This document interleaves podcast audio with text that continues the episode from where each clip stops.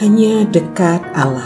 23 Januari 2022 Ketika matahari terbenam Lukas 4 ayat 40 sampai 41 Ketika matahari terbenam semua orang membawa kepadanya orang-orang sakitnya yang menderita bermacam-macam penyakit.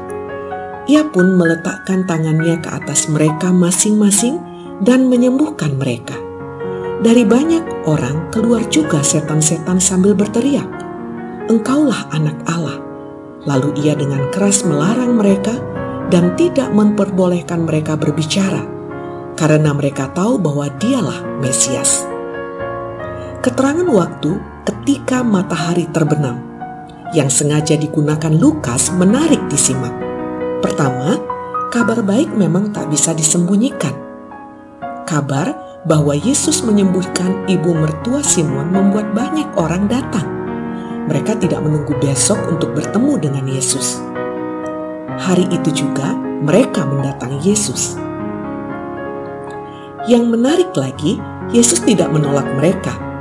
Meskipun sudah waktunya beristirahat, Yesus tetap melayani mereka. Mengapa? Bisa jadi sang guru dari Nazaret memahami psikologi mereka Bayangkan jika mereka datang dari jauh, ternyata malah ditolak. Yang pasti, Yesus memahami misinya, yaitu melayani dengan sepenuh hati.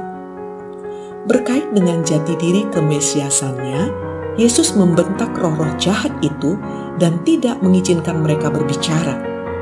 Yesus tidak ingin keberadaannya sebagai Mesias yang sering disalah tafsirkan orang, malah menghambat misinya.